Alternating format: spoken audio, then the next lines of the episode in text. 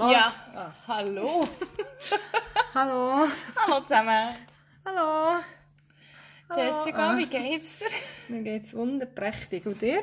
Ja, mal. Warte, ich tue schnell das Mikrofon ein bisschen näher zu dir, weil Ja. ich so eine laute Gaue habe. Hoffentlich steht's. Ja, mal Es funktioniert. droht umzugehen. Nein, nein, es Okay. hat schon. Ist alles gut. Ist dein Tag auch so anstrengend gewesen? Nein, ich habe frei gehabt. Schön. Ich habe Blümchen gepflanzt. Wow. Ja. Das war mega cool. gewesen. Ich wünschte, ich könnte das am Mittwoch. Ja, du kannst es dafür am Mänti. Ja, das stimmt. Also, und dann muss ich am Mänti auch nicht dafür Huren zu tun. Hehehe. Ja. Genau. Heute reden wir nämlich gerade über das. Und zwar, ja. Nicht über Blümchen pflanzen. Nein, äh, äh, Garten nicht. über Gartenarbeit. Aber- Teilzeitjobs. Und? Ah, jetzt sagen wir, wir reden über Leistungsdruck. Aha. Ah, Dann tun wir es halt verbinden. Ja. Nein, wir haben ja da auf Instagram so eine Umfrage gemacht, wo die Leute übrigens, es merci vielmals, dass ihr die so super habt beantwortet. Ja. Das freut uns außerordentlich. Nein, es hat wirklich extrem viele Leute gehabt, die es beantwortet haben und das ist recht cool. Also ja, okay, bei mir haben es etwa 118 Menschen angeschaut und irgendwie 10 davon haben gestimmt. Also so viel sind es auch nicht gewesen, aber okay. Ja, aber immerhin mehr Immerhin als mehr. so Ja, das also, finde ich, find ich sehr, sehr förderlich. du, Merci die Leute, vielmals. du die Leute nicht so runterputzen. Nein, die, die haben gestimmt, finde ich ja super. Die anderen können sich ein bisschen mehr viel kneifen. Aber gut. Die hören es vielleicht auch nicht. Also wenn ihr es hört, stimmt es nicht. Ist doch egal, aber sie schauen meine Story an, also können sie ja irgendwie etwas abstimmen. Also. Also bitte. Bitte. Nein, und dann haben wir eben gesehen, dass Leistungsdruck und Teilzeitarbeit ähm, ziemlich, also bei mir war es eigentlich Gleichstand, gewesen, glaube ich, am Schluss. Ich Ja. es nicht mehr, aber immer recht Ist nah aufeinander. Recht nah aufeinander gewesen. Und äh, da wir beide Teilzeit arbeiten, Genau. haben wir gefunden Why not? und keinen Druckstand haben. Darum haben wir gedacht, äh, wir reden doch mal ein bisschen über das. Keinem Druck klein beigeben. Etwa noch so. Nein, das wäre ja, wenn wir ihn würden bestehen Hm. würden. Wir bestehen ja nicht. Okay. Nein, Gut. Spaß. Bla bla bla bla. Nein. ähm, also wenn ich jetzt schnell darf anfangen, Ja, ich habe da gerade eine interessante Story gehört, die mich jetzt zum Nachdenken hat gebracht. Und Mhm. zwar ähm, geht es ein bisschen um einerseits um Leistungsdruck und etwas, um etwas, was wir auch schon mal diskutiert haben, nämlich um das Thema so ein bisschen, was ist, wenn du mal Krise hast, was Ja. ist, wenn es dir mal nicht so gut geht und so. Und ähm, da habe ich eine interessante Geschichte gehört von einem ehemaligen Arbeitskollegen von mir, Mhm. der früher mit mir zusammengearbeitet hat. Ja. Also nicht in dem Job, wo ich jetzt bin, sondern dort, wo ich vorher eben gearbeitet habe. Ja. Ähm, dann ist es plötzlich einfach alles zu viel geworden. Es ist ähm, nicht mehr gegangen. Ja. Es ist mit der Arbeit zu viel geworden. Es ist, ich weiß nicht, es ist auch alles zu viel. gewesen. Ja. Und er, ähm, ja, und du hast ihm so angemerkt, also weißt, es ist wirklich wie, er ist wie nicht mehr klar gekommen mit, mit, mit dem ganzen Druck, der auf ihm gelastet ist. Und ich meine, sind wir mal ehrlich, in dieser Branche, in der ich gearbeitet habe, ist es einfach ein permanenter Druck. Also ich Ja. meine, ich glaube, ich darf das hier sagen, es ist die Autobranche und ich meine, es ist einfach ein permanenter Druck, den du hast. Also, man muss das leisten, man muss das leisten und, und, und man muss hier etwas machen, weil das ist äh, bonusrelevant und das da hier muss man und da kommt Geld rein und, und, und. Und ähm, ja, wenn du ständig einen Kundenkontakt hast und du musst Kunden zufriedenstellen, ist das ein gewisser Druck. Und irgendwann ist, hat er dem einfach nicht mehr standhalten Ja. Und wir haben ihm eigentlich alle so bisschen geraten, hey, schau auf dich, Gesundheit ist wichtig, bla bla bla. Dann ist es so weit gekommen, dass man ihn krank geschrieben hat. Also der Arzt hat ihn krank geschrieben und äh, ja, dann äh, ist das so gegangen und es ist natürlich nicht gut angekommen. Weil eben, ja, Schwäche ja. zeigen, Darf man ja nicht. was Schwäche zeigen, was, du hast eine Krise. Also geht es Ja. eigentlich noch so an, in diesem Stil, oder? Und ähm, ja, und dann, ich weiß gar nicht, wie lange das es dann schlussendlich gegangen ist. Ich glaube, auch nicht, also vielleicht einen Monat mal zuerst Ja. geschrieben, was ja völlig legitim ist, finde Ja. ich. Also ich meine, und selbst meine, wenn du eine Krise hast und wenn du eben vielleicht so ein, wie ein Burnout hast, ich meine, einen Monat lang niemals. Weißt du, was Nein, klar Also, nicht. Auf jeden Fall ähm, hat er sich dann recht auch Zeit für sich nehmen und, und, und, und äh, so. Und dann ähm, haben sie ihm aber angedeutet, dass sie ihn dann so weiter nicht mehr äh, so beschäftigen können. Aber immer noch krank geschrieben gewesen. Und ähm, ja, wir haben so schnell machen, oder? Und es ist einfach so, und dann hat er gesagt, nein, nein, wir stehen hinter dir und, und wir schauen den und, und, und so. Und jetzt hat er mir heute äh, geschrieben, er hat die Kündigung bekommen. Okay. Und dann habe ich ihn so gefragt, aber also ist das überhaupt zulässig? Weißt du, weil du bist ja krank geschrieben und er hat eben gesagt, ähm, ja, du bist drei Monate, oder so 90 Tage, drei Monate bist geschützt. Und er in der Gelände. Und es war auch wirklich so der Tag X, gewesen, nach diesen 90 Tagen, zack, hier, bumm, hast du deine Kündigung.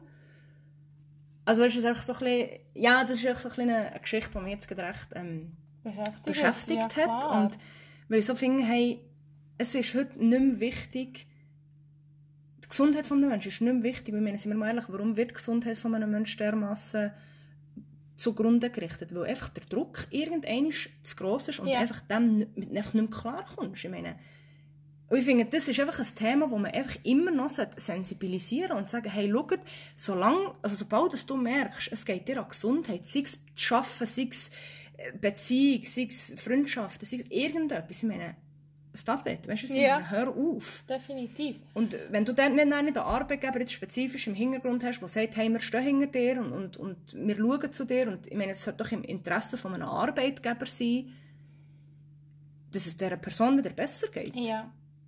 Also, das ist wirklich etwas, was mich heute extrem schockiert hat. Und gut, ich will hier keine Namen nennen, aber ähm, Ja, ja, ich bin mir nichts anderes gewöhnt von, von diesem Umfeld und darum hat Ja. mich das gerade ein bisschen beschäftigt. Ja, das glaube ich im Fall schon. Also, aber ich arbeite ja im, in einem Coiffeurgeschäft und bei uns, also ist es jetzt nicht Gell, so, ist das bei dir so? dass es ein ausgesprochener Leistungsdruck in dem Sinn ist, aber grundsätzlich ist, also jetzt vor dem ganzen Corona-Scheiß, der da war, Entschuldigung. Corinne, du musst Ja, ich muss das jetzt so nennen, das ist verharmlosen und verlustigen, weil es Corona-li. Corona-li, dass Mhm. es so herzig tönt. Aha. Item. Das Arschloch Aber vom 2020. Nein, aber wie? das Arschloch vom 2020. Nein, aber vor dem Ganzen war es eigentlich so, ein so bei uns, du hast eigentlich nicht, auch nicht dürfen krank sein. Also respektive dürfen Also- krank sein. Du bist gekommen, wenn du krank bist, weil du hast den Druck gehabt, in dem Sinn, du hast Kunden und das acht pro Tag, Minimum, sagen wir Mhm. jetzt mal. Ja. Und wenn du einen Tag krank bist, hast du die Kunden auf die zwei Wochen hingern müssen schieben. Ja, und? Ja, aber du hast die müssen hingern schieben. Wenn du zwei Tage krank bist, hast du schon 16 Kunden gehabt. Wenn du drei Tage krank bist, und so weiter und so fort. Und du hast die Kunden alle müssen verschieben und du hast den Druck wie gehabt, hey, wenn ich nicht komme, müssen die anderen doppelten Scheiß Ja, aber machen. jetzt habe ich gerade fragen, da hättet ja noch andere Leute Genau. im Team, die sagen, Aber, ja. ich kann dir das übernehmen. Also ich kann dir den Ja. Kunden übernehmen. Oder Aber die sind ja auch tendenziell ausgebucht. Also weißt also das war jetzt vor dem ganzen allem so. Gewesen. Okay. Und dann hast du dir dreimal überlegt, ob du jetzt nicht ein Neocitran einschmeissest und sagst, ich komme bügeln. Mhm. Weil eben der andere das Zeug nicht hast aufbürden. Jetzt kommt mir gerade etwas Lustiges? Nein, eigentlich ist es gar nicht Das ist lustig. nicht Das lustig. ist eigentlich traurig, aber ich habe mal so ein lustiges Video gesehen auf Energy, so die, die verschiedenen Länder, wenn sie sagen, sie seien krank. Weißt Aha, ja, ja, ja, ja. Dann so der, der Engländer sagt, ja, I'm sick. Dann der Spanier sagt, ja, bla, bla, bla, bla, bla, bla, bla. Dann kommt so der Schweizer und sagt, ich bin zwar krank, aber ich bin schon vor zwei Jahren mal krankheitshalber abwesend gewesen und das macht gar nicht ein gutes Bild, darum gehe ich gleich arbeiten. Und das ist wirklich so, das ist wirklich so die Mentalität. Ja. Also jetzt nicht nur in der Schweiz. ich Ja, meine, also ich muss jetzt sagen, aber es ist so, nein, ich gehe jetzt arbeiten, weil ich krank bin. Also ich muss ja jetzt sagen, ähm, aber wie gesagt, ich bin schon sehr viel mal mit hure Hochfieber, mit hure Husten, mit mega Hausweh, mit keine Ahnung was, bin ich bügeln. Ja, aber sagt die Chef dann nicht, hey, gang hey? Also man sieht es dir dann offensichtlich an, dass es dir verdammt beschissen geht. Und Ja. die Chef sagt dir dann nicht, gang hey. Es kommt ein darauf an. Wenn du in der Pause hinten so hockst, dann, dann heisst es vielleicht mal so, du siehst nicht gut aus, gang hey. Aber sicher nicht vom Anfang an. Also weißt du, in dem Sinn. Und ja, ich muss dort durch sagen, aber jetzt äh, kannst du blöd gesagt, dann ist mach. Gang hey. Jetzt gang hey. Ja, das stimmt, ja. Und das ist halt jetzt eine ganz andere Situation im Moment. Also von wegen. Aber ich muss Aber- so sagen, ich bin also ich persönlich bin auch nie krank. Ja, ich bin auch selber Also, krank. ich bin wirklich selten krank. Und jetzt während dem ganzen Zeugs bin ich nie krank. Ja, aber ich sage jetzt, auch wenn ich mal krank bin, also, weißt, ich muss sagen, ich probiere mich wirklich dort auch dran zu halten und zu sagen, hey, ich sage so und ich stehe dazu, sage, schau, ich bin krank, ich melde mich für heute ab. Punkt.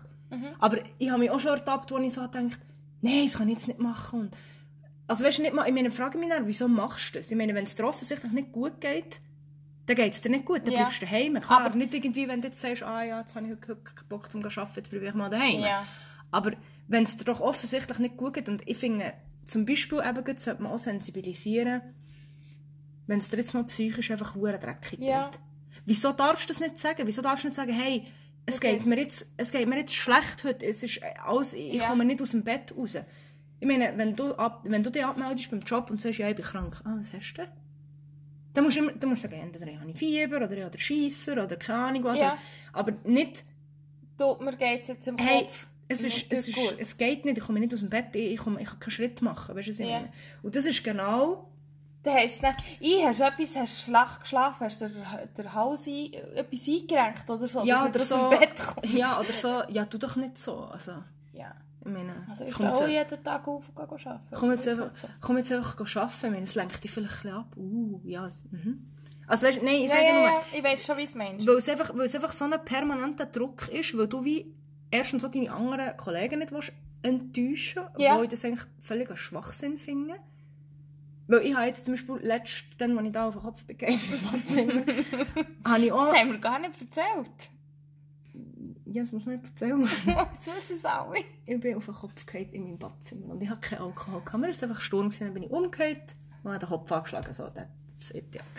Und dann habe ich mich, logischerweise bin ich ja krank geschrieben eine Woche und dann hatte ich auch ein schlechtes Gewissen. Gehabt, weißt, meine, Ja, also ja, meinen Arbeitskolleginnen gegenüber. Und dann so geschrieben, hey, ja sorry, dass ich im Stich lag, quasi, oder? Und dann die eine hat mir auch geschrieben, sie so sicher nicht und kurier die aus und, und das musst eigentlich schon schauen. Und, aber trotzdem... Hast du ein schlechtes Gewissen gegenüber den anderen? Ja, obwohl mir mein Chef überhaupt kein schlechtes Gewissen hat gegeben. Du, also null irgendwie. Ich habe nicht irgendwie jetzt von ihm das Gefühl gehabt, äh, gar Ja. nicht. Im Gegenteil. Ich meine, er hat mir sogar gesagt, ja, schau und, und sonst sagst es, wenn es nicht geht. Aber Also, du hast immer, im Hintergrund hast du immer so den, eben den Druck. So das, mm, aber es ist ja so. Also das letzte Mal, wo ich wirklich krank, krank war, ist über Silvester vom 18. ins 19. Nein, warte schnell. das ist schon ein lange. Nein, vom 19. ins 20 eben. Mhm. Ah, das ist noch nicht so lange. Wo das Ganze, wo das Ganze dann angefangen hat, 20. Da ist dann sicher Corona. Ja, vielleicht. Ih, ja, sie. Aber dann haben wir... Oh mein Gott. ich bin jetzt immun.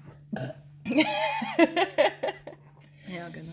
Nein, ähm, dann bin ich wirklich krank, krank gewesen. Und dann haben wir aber länger Ferien gehabt, also Geschäftsferien. Wir haben wie zugetan länger. Weil das Wochenende so ist gefallen, dass man irgendwie am dritten und am vierten hat man müssen bügeln. Und, dann, und dort haben wir dann zugetan, irgendwie so die... Und dann habe ich erst irgendwie am Dienstag wieder müssen anfangen. Also ich habe irgendwie eine lange Zeit gehabt, eine Woche. Zum krank sein. Zum krank sein. und ich bin schon lange... Schön, wenn man noch Zeit hat zum krank sein. Ich war schon lange nicht so entspannt krank. Gewesen. Ah, ernsthaft, jetzt? Ja, aber das ist So doch echt dumm. entspannt krank gewesen, dass ich nicht am Morgen muss anrufen muss, hey, ich komme immer noch nicht arbeiten. Aber das ist doch dumm. Ja, sag ich dir ja. Es ist dämlich. Aber das habe ich ihnen, also das habe ich im Geschäft auch gesagt, also sie wissen es, wenn sie es jetzt hören, ja, aber spielt keine Rolle, aber das habe ich auch schon habe ich auch erzählt. Aber ich bin wirklich entspannt krank gewesen ich konnte entspannt können gesund werden, weil Ja, ich keinen Druck hatte, dass ich am nächsten Tag wieder fit auf der Matte muss stehen Ja, und gesund sein. Wenn sie zum Beispiel, wenn, sie auch, wenn du jetzt das erwähnst, wenn sie auch eine Hure, das hat jetzt so nicht mit Leistungsdruck zu tun, aber auch so allgemein der Druck, den du manchmal vom Arbeitgeber her hast. Es gibt ja Firmen, die sagen zum Beispiel, ja, du musst ab dem ersten Tag ein Arztzeugnis haben. Ja. Ich meine, wie dumm ist das? Das ist jetzt das Dümmste, was du machen kannst. Sorry, wenn ich jetzt ein Fieber habe, oder? Ich habe Fieber am Morgen, jetzt vielleicht nicht in der Corona-Zeit, sagen wir, wenn das vorher war. Ich habe jetzt Fieber, ich habe hohen Geringweh, weiss doch nicht, mir ist es schwindelig bis wie sieben. Dann gehe ich doch nicht zum Arzt. ich meine, dann weiss ich doch, hey, mein Ja. Körper macht schlapp, ich mag nicht. Er hat Fieber, er gibt mir irgendein Signal, dass es mir nicht gut geht, dass ich irgendwie überfordert bin, dass mein Körper überfordert ist.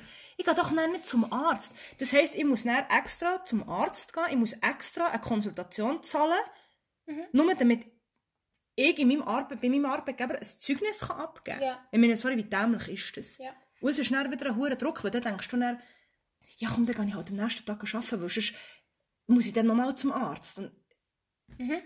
das ist echt dumm. Das ist genau da. Aber, Das regt mich auf. ja. Mir regt immer etwas auf. Nein, das stimmt nicht, aber, aber so Themen machen mich Ja. wirklich, das macht mich hässlich. Ja. Das macht mich Nein, wirklich aber ich hässlich. verstehe dich wirklich, weil es ist wirklich so der, also weißt du, wenn es wirklich so ist, wenn jemand wirklich dauernd krank ist Ja, okay. und du checkst, dass derjenige nicht krank ist oder nicht irgendwie, dann verstehe ich, dass man eine Abmachung macht, dass du pro Tag, wo du krank bist, ein Arztzeugnis bringst. Ja, Dann okay. verstehe ich es. Aber das ist eine interne andere Abmachung. Eben. Ich finde es auch dämlich, am dritten Tag ein Arztzeugnis zu bringen, weil wenn du eine fucking Grippe hast, Ja. weil es jetzt Corona ist, Grippe Ähm, gibt es übrigens nicht mehr. ich weiss, die ist ich weiss, ausgestorben. die ist ausgestorben. Die gibt's es gibt nicht nur noch Corona oder... Schwur cool. Jetzt ist, Ja. einfach, jetzt ist einfach eine Krankheit ausgestorben. Ja, Hure geil, Mann. das gibt es nicht. Shit.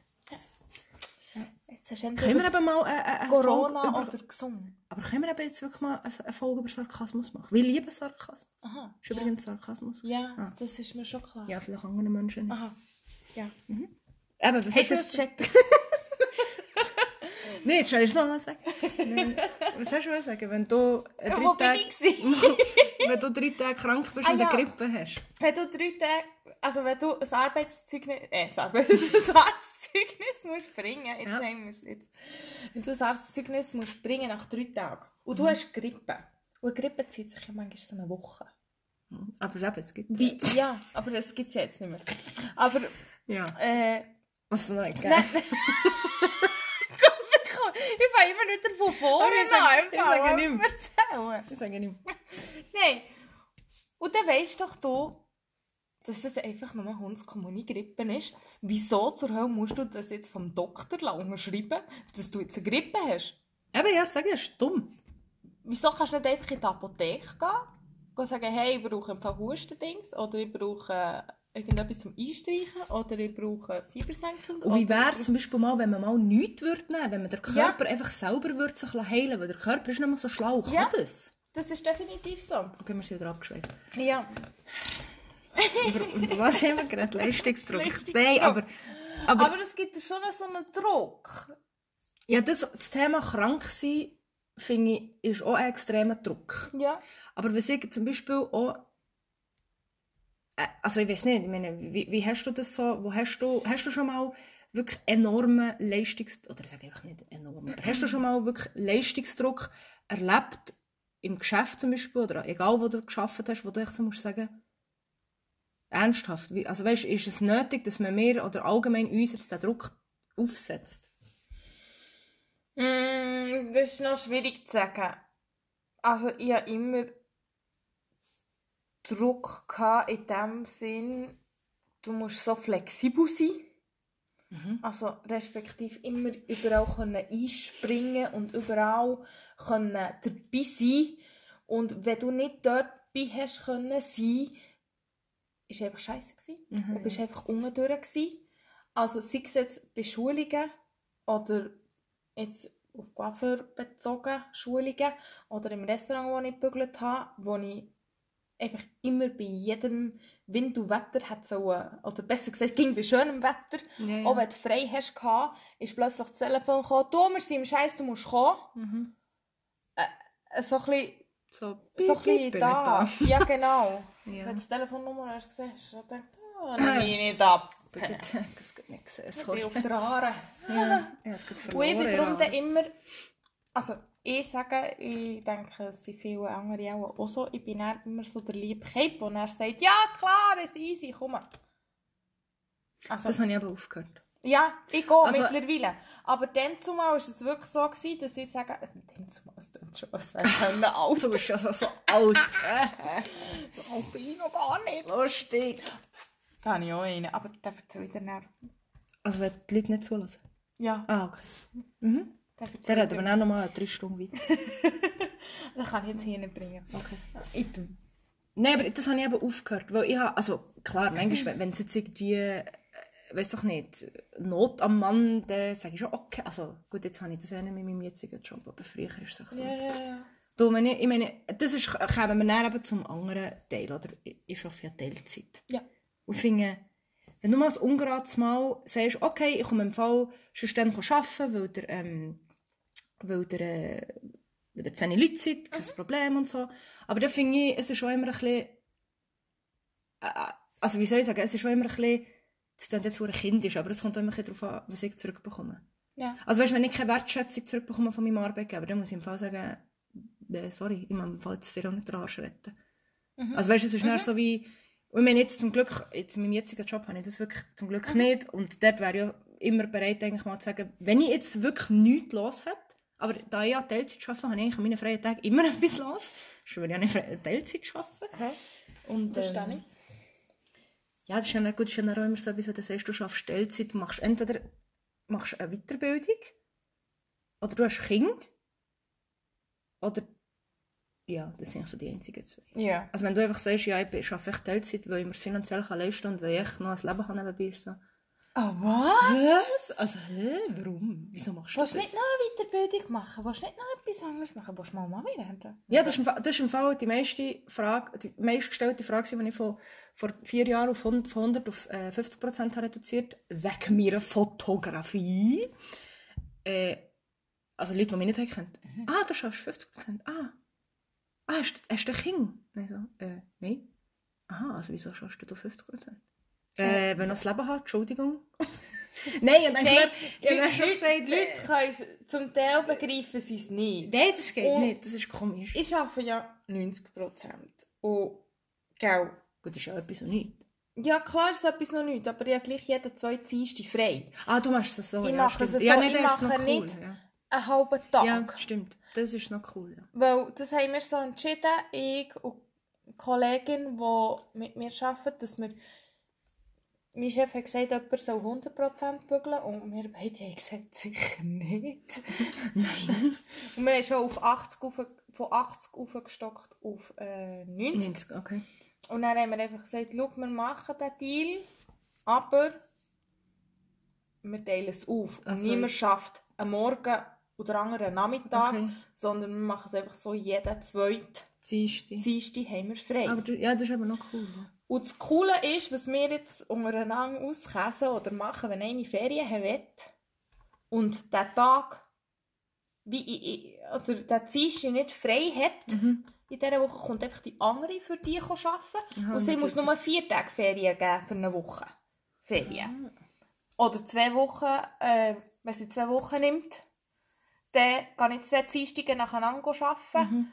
Und dann hat sie nur acht Tage Ferien gegeben, anstatt neun, die sie müsste geben, theoretisch. Ja.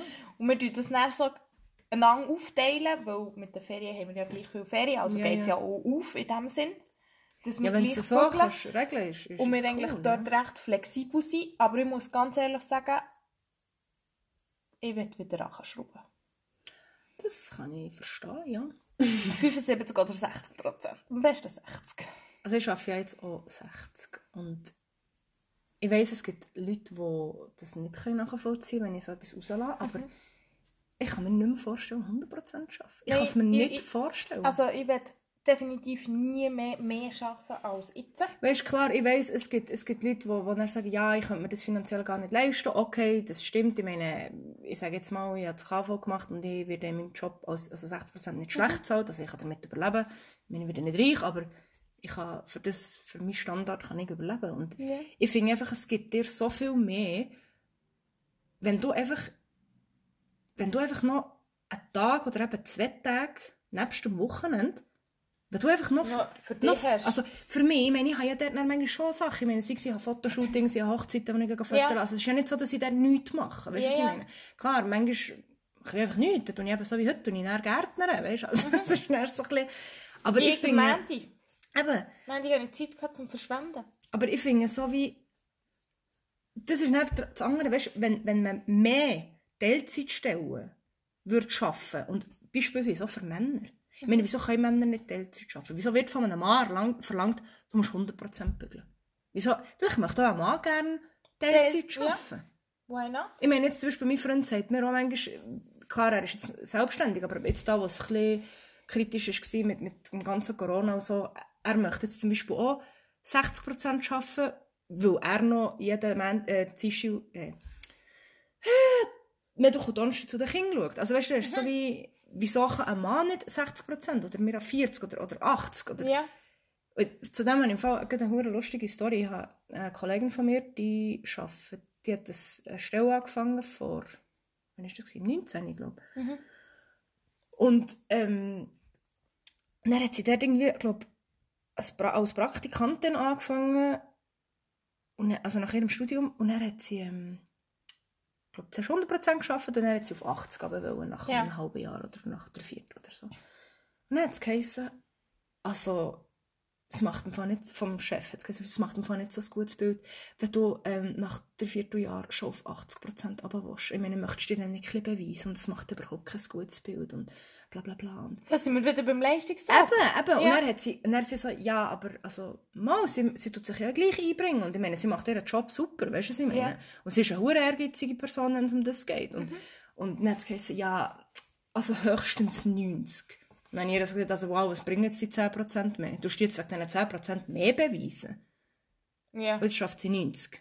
Und sie hat jetzt eben immer, ähm, immer am Freitagnachmittag frei. Und sie, findet, sie sagt zwar, dass sie, hil- also weißt, es gibt ihr mega viel, ist ja gut, aber wenn du dann vom, vom Chef hörst, so, ja, also, äh, nein, sorry, wieso willst du, also 80, ich meine, Ja. bitte. Hallo, Ja. das ist nur ein Tag weniger. Ja. Und ich meine, ich, ich arbeite ja 60% und ich muss wirklich sagen, mein Arbeitgeber ist super. Sie haben mich ja gefragt, nein, wirklich, sie haben mich gefragt, ja, eben, wenn ich mal temporär das Pensum aufschrauben Und dann habe ich mir schon gedacht, ja, temporär, weißt du, wieso nicht? Und jetzt arbeite ich drei Monate 80%. Mhm. Jetzt habe ich einfach, ähm, Februar, März, April arbeite ich 80% und dann ab Mai gehe ich wieder auf 60%. Mhm. Ich meine, erstens gibt es mir noch ein bisschen mehr Batzeli, und, aber ich habe dann wieder meine, du kannst meine, wieder ich kann dann so wieder gestalten, wie ich es gerne möchte. Und, Mhm. und ich meine, ich könnte auch jederzeit irgendwie sagen, hey, ich mache jetzt fix auf 80%, Mhm. was ich auch nicht mache. Aber Nein, aber, ich finde so, hey, wieso gibt es die Möglichkeit nicht mehr? Weil ich habe das Gefühl, wenn mehr Leute Flexibel wären. die Chance würden bekommen, Teilzeit zu arbeiten, würden auch Burnouts und Ah, ja, klar. enorme Druck Das auf jeden abfallen. Fall. Das auf jeden Fall. Also, weißt du, ich muss nicht, also, was halt dann auch noch Aspekt ist, je nachdem, wo du bügelst, gell, ist halt der finanzielle Druck, Ja. der entsteht, wenn du Teilzeit schaffst. Aber das ist das, was ich vorhin gemeint habe. Ja. Das stimmt. Aber ich kann mich jetzt nicht beklagen, Genau. Aber aber es gibt Branchen, Aber- wo das nicht möglich ist, das weiß ich schon. du mit deinem 60% Lohn, also dort, wo du vorher geschafft hast, jetzt hast du mehr, oder? Ja. Aber, Aber ich habe am anderen Ort nicht, nicht schlecht verdient. Ja. Also, Aber- aber das ist etwa so viel, wie ich mit 90 Eben, ja. verdiene. Ja. Weißt du, wie ich meine? Nein, das hast du mal also gesagt, vom, ja, ja. vom Dings her, vom... Es ist in dem Sinn nicht fair, Nein, es ist überhaupt nicht fair. vom Ding, also, also Also, vom wo du mir mal auf- erzählt hast, was, was dein Mindestlohn ist, dann ist mir mal fast Ja. Harzberg gestanden. Aber ja, Eben, wo du nie für den Lohn würdest arbeiten. Also in dem mal Ja, ich sage, wenn es Aber- wirklich, die- wirklich ein Job ist, den du gerne machst, aber das ist etwas, was ich, was ich letztens noch mit jemandem besprochen habe. Wenn du einen Job hast, den du gerne machst, Mhm. dann bist du ja auch bereit, mega zu arbeiten. Ja, Also, dann würdest du einfach sagen, ja komm, mir stört es nicht, dass ich 100% arbeite. ja. Also, ich meine, ich sage jetzt nicht, dass ich 60% arbeite, weil ich, weil ich meinen Job hasse, aber weil ich einfach, bö, weil, weil ich einfach halt das Kreative, das Kreative halt, ich meine, wenn du in einer kreativen Branche schaffst, ich habe mich auch mal an eine- äh, für eine Stelle beworben, die ich wahrscheinlich bekommen hätte, äh, wo kreativ war, dann haben sie mir so gesagt, ja, dir excuse, aber wir können ja in Lohnforderungen nie nachkommen. Also, ja. und dann musste ich auch sagen, ja, okay, ich bin jetzt nicht nur Geld geil, aber irgendetwas zum Leben Brauchst müsste ich ja schon haben. Und das wäre auch ein 60% Job gewesen. ja. Ich mit dem Lohn hätte ich leben. Also, Ja, aber, weißt es ist so... aber das ist ja das, das was dann ein Teil haben, wenn sie etwas gerne machen, und das machen sie 60% und dann brauchen sie aber noch etwas 40%, wo auch noch mehr Ja, Lohn ja, ja. einbringt, für das es nicht das Gesamte Das hast. Und das ist halt ohne Druck. Durch. Wäre ich echt immer noch für das bedingungslose Grundeinkommen. Ja. soll sie das nochmal vor das Volk bringen? Ich habe das Gefühl, jetzt würden im Fall mehr Leute anstimmen. Ja. Ja, ich meine, stell dir jetzt mal vor, stell dir jetzt mal vor, was ist denn mal gewesen? Zwei- 2500 Franken, glaube ich, Ja, für- pro Schweizer Bürger. Ja, ist viel, ja? Ja. Aber wenn du siehst, was sie jetzt haben können ausgeben Ja. finanzielle Hilfe, ich will nicht sagen, dass das nicht wird möglich sein Also, wir wissen, wie viel das die Schweiz Geld hat. Also, was ist das jetzt für ein Satz? Gewesen? Egal. Also Nein. jetzt auch nicht mehr. Ja, okay, das ist vielleicht auch nicht, aber Jetzt haben sie ja... ja, die haben immer noch genug. Darum hat es ich. genug Plätze rum und sonst so Zeug Ja, die Steuern sich auch... Die haben immer noch Steuern müssen wir ausfüllen. Hast Habe du ich ausgefüllt? gemacht. Ich noch nicht. Gerade gestern. Ich. Nein, aber ähm, weißt du, ich denke, stell dir jetzt mal vor, du, es würde jetzt jeder Schweizer Bürger sagen, wir, also sagen wir 2000 Franken pro Monat fix bekommen. Oder? Einfach so. Da war ja die Angst von vielen Leuten, ja, dann würden sie nicht, dann würde nicht die Hälfte nicht mehr arbeiten. Aber ich habe mir dann so überlegt, aber denke doch nicht, was die anderen würden machen, sondern denk doch mal, was du mit diesen 2000 Franken könntest machen Stell dir mal vor, jetzt, du würdest 2000 Franken bekommen. Und dann würdest du, sagen wir, auf 60% abschrauben. Wie viel würdest du dann verdienen, sagen wir? auch nochmal zwei. Auch, Ja. Oder, keine Ahnung. Dann hättest du 4000 Franken. Ja. Sorry, mit 4000 Franken kannst du easy leben. Ja. Also wenn du nicht irgendwie hohe Ansprüche hast und, und irgendwie, Ja. weißt du nicht, im, im, im Luxus schwimmst. Aber Ja. da, da würd, weißt du, da habe ich das Gefühl, Das dass... wäre jetzt mehr, als das ich jetzt verdiene. Eben! Aber darum sage ich, dann kannst du doch hier... Also, eben Leute, ich lebe am Limit. Ah ja, stimmt, das haben wir gesagt. Leben am Limit. Nein, aber dann da hättest du doch hier wie äh, einen Job. Also würdest du, wenn du jetzt vom Staat 2000 Franken bedingungsloses Grundeinkommen würdest bekommen, würdest du nicht mehr arbeiten? Nein. Also, ich würde immer noch arbeiten. Ja, EMO. Also, Vielleicht für nicht- das habe ich meinen Job zu festgehen. Aber ja, ich würde etwa auf 60% Eben. nachher reduzieren. Dann würd, ich würde sogar vielleicht auf 60 bleiben. Mhm. Also weißt du, ich würde nicht mal, oder vielleicht auf 50, keine Ahnung, aber, aber ich würde jetzt nicht irgendwie sagen, ja, komm, jetzt kann ich nicht mehr bügeln. Ja. Ich pff, gut, mit 2000 Franken kannst du auch nicht überleben, aber ich denke mir dann so, das wäre doch, die Leute wären doch viel entspannter und hätten viel weniger Druck und würden vielleicht auch den Sachen nachgehen, die ihnen, wirklich wichtig sind und die, ihnen wirklich Freude machen. Ja. Ich meine, sind wir mal ehrlich, wenn du hier in der Stadt Bern würdest du eine Umfrage machen, wie viel hast du das Gefühl, würdest du sagen, ich mache meinen Traumjob? Ja, hm, Vielleicht 5%. ja, weniger auch. Ja, eben, wenn nicht noch weniger. Und Weniger dann denke ich auch. doch so, hey, also weißt du, so wie ich gesagt habe, ich, bin, ich finde es mega cool, dass ich eben jetzt Teilzeit, ich habe jetzt meine drei Tage, die ich arbeite, Mhm. und dann kann ich die anderen vier Tage, die ich frei habe, kann ich einfach Mhm. so gestalten, wie, sie, wie es für mich gut ist. Ich kann, meine Foto, ich kann meiner Fotografie nachgehen, ich kann dem nachgehen. Es ist echt so wie ein Ausgleich. Mhm. Und ich finde einfach, der Ausgleich hast du viel mehr, wenn du Teilzeit schaffst, als wenn du einfach am Abend dein Zeug nachher brennt, äh, irgendwo brennst Ja. und, und am Wochenende. Ja, das ist definitiv so, weil wenn du am Abend heimkommst und sagst, oh shit, ich muss noch waschen, ah shit, ich muss noch dieses, ah shit, ich sollte noch aufräumen, ah shit, ich sollte noch das. Gut, Oder- jetzt auch jetzt das Waschen nicht zu meinen Kreativen. Ja, nein, aber das ist jetzt jemand, der normal, jetzt normal arbeitet, 100%. Pro normal ist. Ah. ja. Nein, aber jemand, der 100% ist, hat ja das alles so. Und also für mich ist das irgendwie so. Ah ja, das mache ich dann irgendwie mal, weil ich habe ja Zeit. Eben, ja. Also weißt du, jetzt am Montag habe ich auch mit den ganzen Tag. Ich habe vom Morgen um 9 Uhr bis um 12 Uhr habe ich alles erledigt, was ich musste. Eben, ja. Und dann habe ich festgestellt, Scheiße, ich habe Zeit. Scheiße, übelst. Ja. Scheiße, ich habe nichts zu tun, ich habe Zeit. Ja. Jetzt ist es mir langweilig. Ah nein, mir ist es nie langweilig. Eben, ja. Weil, Aber ich habe darum auch nicht das Gefühl, dass es mir wird langweilig Nein, werden, überhaupt nicht. Also, Nein. nein. es wird mir nicht langweilig. Ich würde ja nicht Teilzeit arbeiten. ja, aber ich kenne ja das auch nicht. Aber der, der, der wird so langweilig. Also ja. Ja, dann lernt eben noch mit euch selber zu beschäftigen. Dann lernt noch etwas irgendwie... Ich habe das Gefühl, wenn, mehr Leute könnten Teilzeit arbeiten würden sie sich auch mehr Gedanken um etwas zu machen, um ein Hobby oder so. Ja. Definitiv. Weil, wir, sind wir mal ehrlich, wo, du 100% hast geschafft. Ja, ich habe keine Zeit für ein Hobby, richtig. Ja, ich auch nicht. Also, ja, gut, ich habe Also, noch ja. kein Hobby, aber... äh, Wir sind hobbylos. wir sind hobbylos. mein Hobby ist Podcast. Podcast aufnehmen. Plötzlich am. Mittwochabend. Genau. Nein, aber ich finde das so... Ich weiß nicht, wieso tut er nicht mehr... Ich finde, Teilzeitarbeit in der, im 21. Jahrhundert sollte doch einfach völlig normal sein. Ja. Und, zwar auch zu, und zwar auch zu fairen Löhnen. Dass du eben kannst sagen, hey, als Coiffeuse, wenn du 60% schaffst, verdienst du genau gleich viel, wie einer, der im Büro schafft. Ja. Das ist Also, so. oder auch im Gastgewerbe. Ich meine, wieso kannst du nicht für 60% gleich viel verdienen wie jemand, der einem, oder, Ja. oder einfach ein Aber das ist etwas anderes, weil zum Beispiel die Leute geben nicht gerne Geld aus.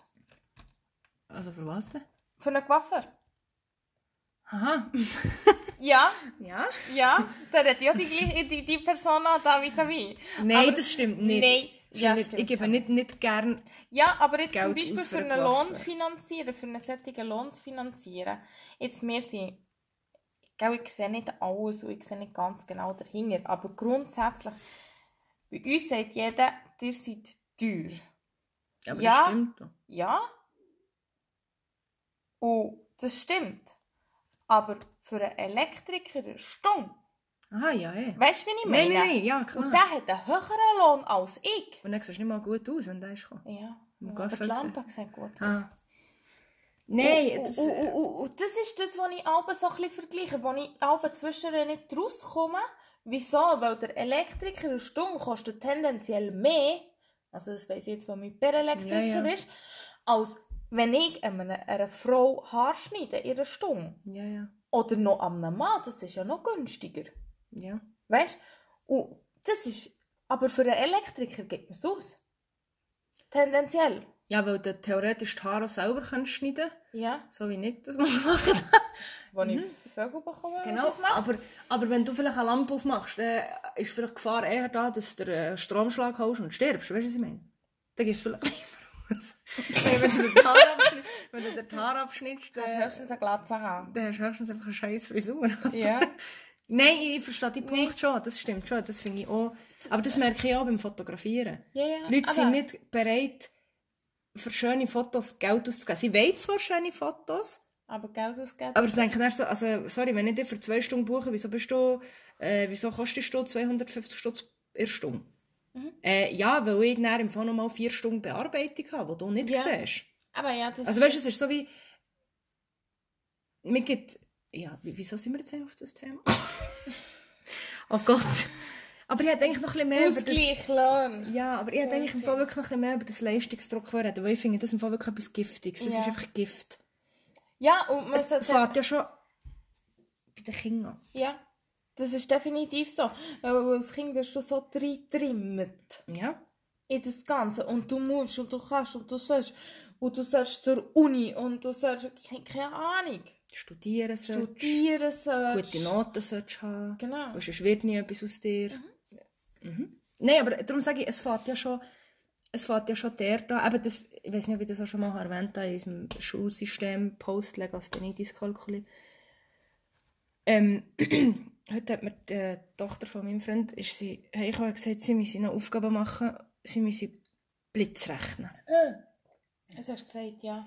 Wieso zur Hölle tut man ein sechs- oder siebenjähriges Kind dazu trimmen, innerhalb von vier Minuten zehn Rechnungen zu rechnen? Wieso macht man das? Ja. Das ist krank.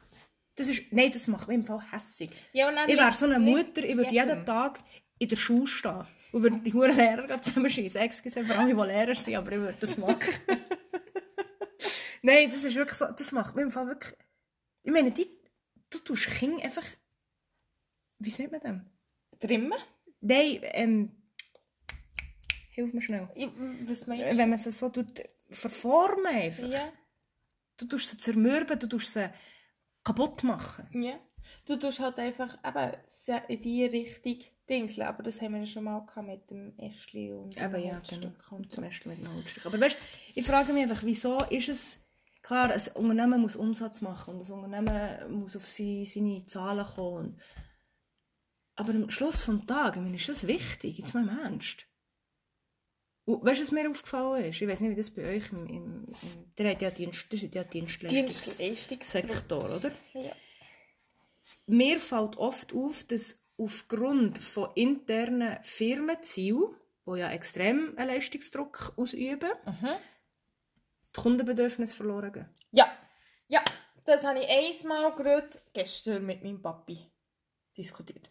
Äh, es ist darum gegangen, äh, dass mich mein Großvater gefragt hat, ob ich seine Uhr holen kann und ob ich nicht mehr äh, bei einem Uhrenladen noch einen Katalog abholen für ähm, verschiedene Uhren, weil mein Cousin Kunde hat. und sie ihm eine Uhr schenken zur Kopf. Item.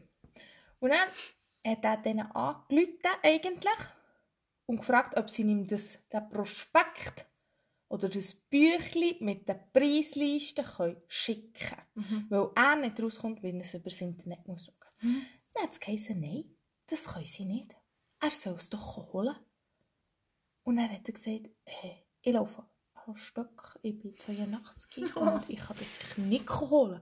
Ja, dann geht doch in die Shopping. Also wieso Dann müsst ihr nicht auf Bern kommen. Wieso haben sie es nicht schicken Das weiss niemand. Es geht einfach nicht. Aha. Ich bin es dann geholt zu Bern. Dann hat er gesagt, wisst ihr was, dann bestelle ich die Uhr an einem anderen Ort. Danke Ja. vielmals.